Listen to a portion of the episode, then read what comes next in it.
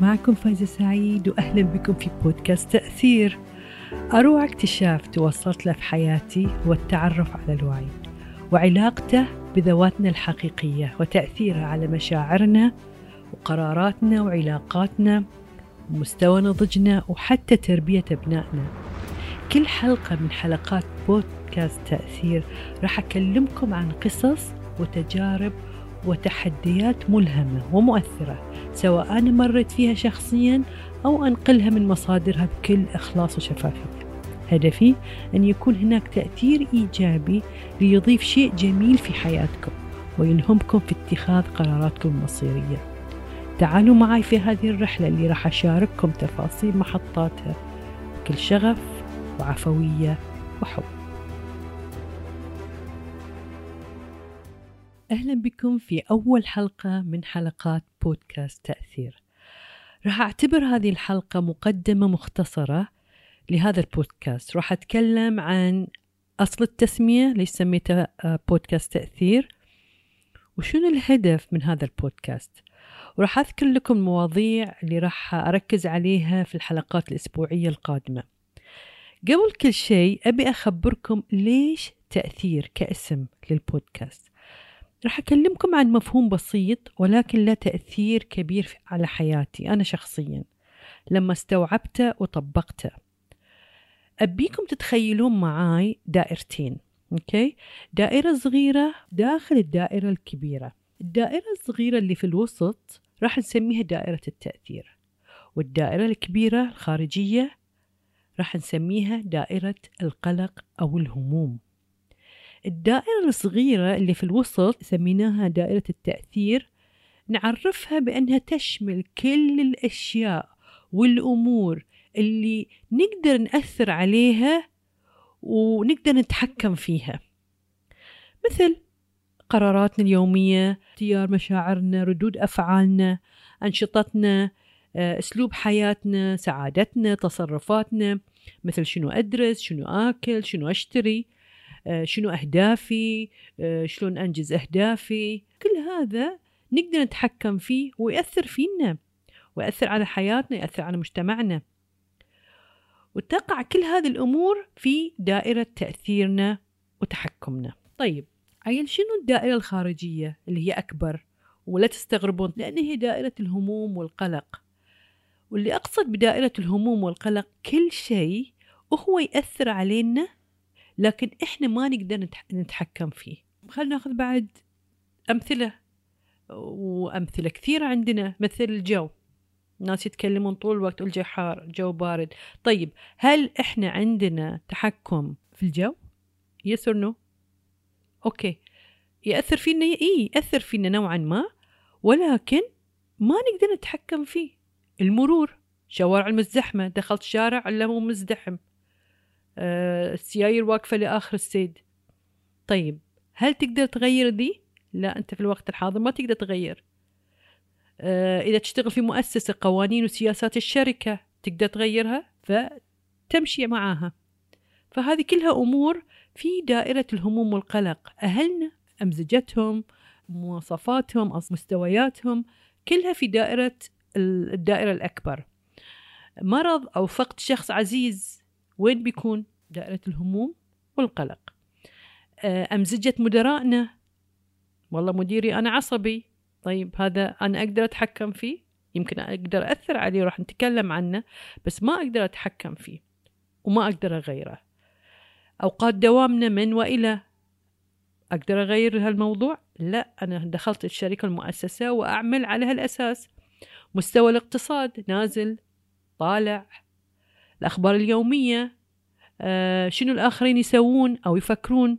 الكوارث الطبيعية الفيضانات الزلازل وغيرها من الأمور اللي تأثر فينا بس إحنا مالنا تحكم فيها. حتى عيالنا believe it or not نقدر نأثر عليهم صح بس ما نقدر نغيرهم.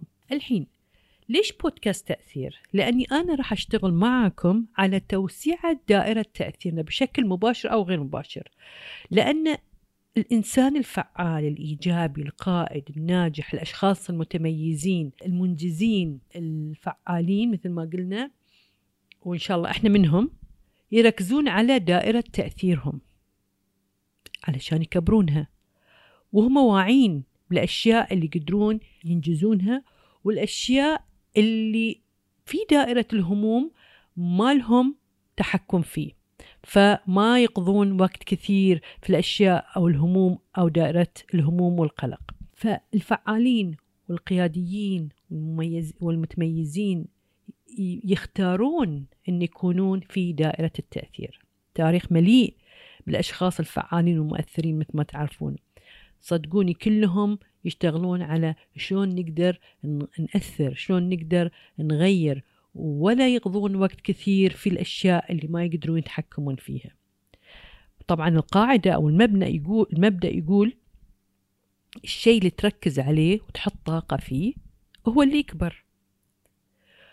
فإذا كان طاقتنا وتركيزنا ووقتنا على دائرة التأثير هي تكبر. لما تكبر دائرة التأثير تصغر دائرة الهموم. والعكس صحيح لما يكون طاقتنا وجهدنا مركز على دائرة الهموم والقلق راح تكبر وراح تصغر تصغر تصغر تصغر دائرة التأثير. فمش راح نكون ناس مؤثرين. والسؤال هو شلون ممكن أكبر دائرة التأثير؟ يمكن إحنا عرفتوا الجواب. اللي دائرة التأثير مثلها مثل أي شيء ثاني مثل العضلة عضلات الجسم. تنمو وتكبر بواسطة التمارين اليومية والتدريبات. آه، إذا تهملها راح تصير ضعيفة وغير فعالة كعضلة يعني. فأنت علشان تكون تشتغل على دائرة تأثير, تأثير لازم تاخذ قرار يومي. هل أنا أقوم وأفكر بطريقة فعالة في دائرة التأثير ولا أنا وين بالضبط؟ لأن في ناس يقعدون آه، أغلب الوقت في دائرة القلق والهموم ويبون ينجزون. لذلك علينا تكبير دائرة تأثيرنا وهي التركيز على الأمور بوعي أو, الأمور اللي إحنا نأثر عليها ونقدر نتحكم فيها. يمكن تنسى تتصرف بشكل انفعالي فدائما اسأل نفسك السؤال السحري اللي أنا دائما أسأل نفسي فيه. مثل ما خبرتكم السؤال السحري هو شنو أنا أقدر أسوي في هذا الظرف؟ لتحقيق الأهداف المرجوة والنتائج اللي أبيها. وأبيكم تراقبون أنفسكم بشكل يومي. وين أنت بالضبط؟ وين وقتك يروح؟ وين جهدك يروح؟ طيب خلوني أقص عليكم قصة حصلت لي في أحد البرامج التدريبية في مصر في سنة 2015 بعد ما خلصت من شرح مفهوم دائرة التأثير ودائرة الهموم جات لي واحدة من المتدربات قالت لي مس أنت تتكلمين عن دائرة التأثير ودائرة الهموم وأنا بصراحة بقول لك الصج يعني فهمته بس ما أدري شلون أقدر أطبقه. أنا عموما بكرة ما بأجي. قلت لها ليش؟ قالت لي ان جدتي في المستشفى ومريضة جدا فقررنا إن بكرة آه، ما ما يعني الكل ما يروح أشغله ونظل في المستشفى معاها. طبعا تعاطفت معاها. قلت لها okay أنت حتساليني سؤال أنا بيجي أنت تجاوبين. صحة آه، جدتك والظروف اللي هي فيها الصحية الله الله يشفيها إن شاء الله. وين هي بالضبط؟ قالت لي إيه هي؟ ها okay هذا موضوع أنا ما أقدر أأثر فيه وما أقدر أتحكم فيه إذا هو في دائرة الهموم. قلت لها إكسلنت وايد زين. طيب شلون تقدرين أنتي تنتقلين من التركيز على حالتها الصحية اللي ما عندك تحكم فيها إلى دائرة تأثيرك؟ والله جاوبتني جواب آه إلى الآن أتذكره من 2015 قالت لي شوفي أنا ما أقدر أغير وضع جدتي حالتها الصحية طبعا الأعمار بيد الله ولكن اللي أقدر أقول لك شيء إن أنا في هالوضع الشيء الوحيد اللي أقدر أسويه وتشوفوا حتى لو شيء واحد أو شيئين إني أكون مع أمي وأواسيها قدر الإمكان وواسي خالاتي وخواتي وأتحمل مسؤولية العزاء إذا صار بدل ما يكون أنا حزني واكتئابي وكذا عبء عليهم أنا راح أخذ المبادرة وراح أساعدهم قدر الإمكان وأخفف عليهم. بس أنت الحين نقلت روحك من أن تكون عبء على العائلة من دائرة الهموم والقلق نقلت روحك إلى دائرة التأثير. بهالطريقة أهلك الأهل أهلها أكيد راح يثقون فيها أن هي قوية وقادرة على القيام بالأشياء اللي تقدر تقوم فيها حتى في الظروف الصعبة. فعموما للمؤثرين لغة. وأنا دايما أسمع من خلال اللغة أقدر أعرف هذا الشخص مؤثر ولا انفعالي؟ آه اللي هو فعال ولا انفعالي؟ المؤثرين والقياديين اسمع لغتهم. أنا أقدر أنا المسؤول عن هذا الموضوع أنا قررت هذا القرار أنا أتحمل المسؤولية. طيب خلونا إذا كان هو قائد فريق خلونا نفكر في الحل والبدائل المتاحة. إذا أخطأ يقول أنا آسف هذه مسؤوليتي أنا. بينما الانفعالي شو يقول والله هاي مو خطأي هاي خطأكم أنتو. يعني اللغة تفضح الشخص. حتى اللي يقول أنا مؤثر وفعال اسمع لغته. فالانفعاليين لغتهم completely different. تسمعهم يقولون أنا مضطر. والله شو أسوي؟ هاي الظروف. مضطر أسوي كذا وكذا. هذه ظروفي بعد شو أسوي؟ هم جبروني. آه والله ما أقدر. هاي مو غلطتي. هاي سياسة الشركة. بعد شو أسوي؟ والله وأنا عصبي مثل أبوي مثل جدي. والله إحنا انمجدنا في عائلة كلها عصبيين فأنا عصبي. هذا اللي يستخدمون اللغة الانفعالية غير مؤثرين حتى لو كانوا في مراكز إدارية أو قيادية لسبب أو لآخر. فهو مركزه كأنه هو قائد ولكن اسمع اللغة مالته.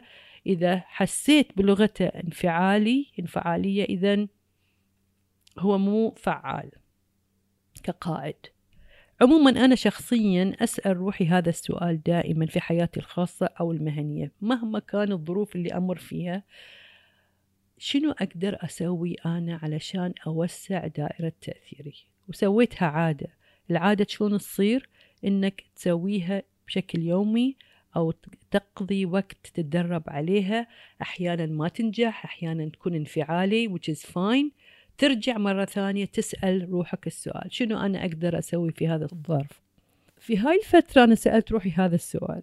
فايزة في هذه الظروف؟ شنو تقدرين تسوين؟ فجاني الجواب إني أنا أستمر في التواصل معاكم وترك أثر جميل وإيجابي لحياة مثمرة وفعالة لي وللآخرين من خلال بودكاست تأثير. كل حلقة من حلقات بودكاست تأثير راح أكلمكم عن قصص وتجارب وتحديات ملهمة ومؤثرة تجارب ناجحة طورتني أو حتى فاشلة تعلمت منها دروس في الحياة.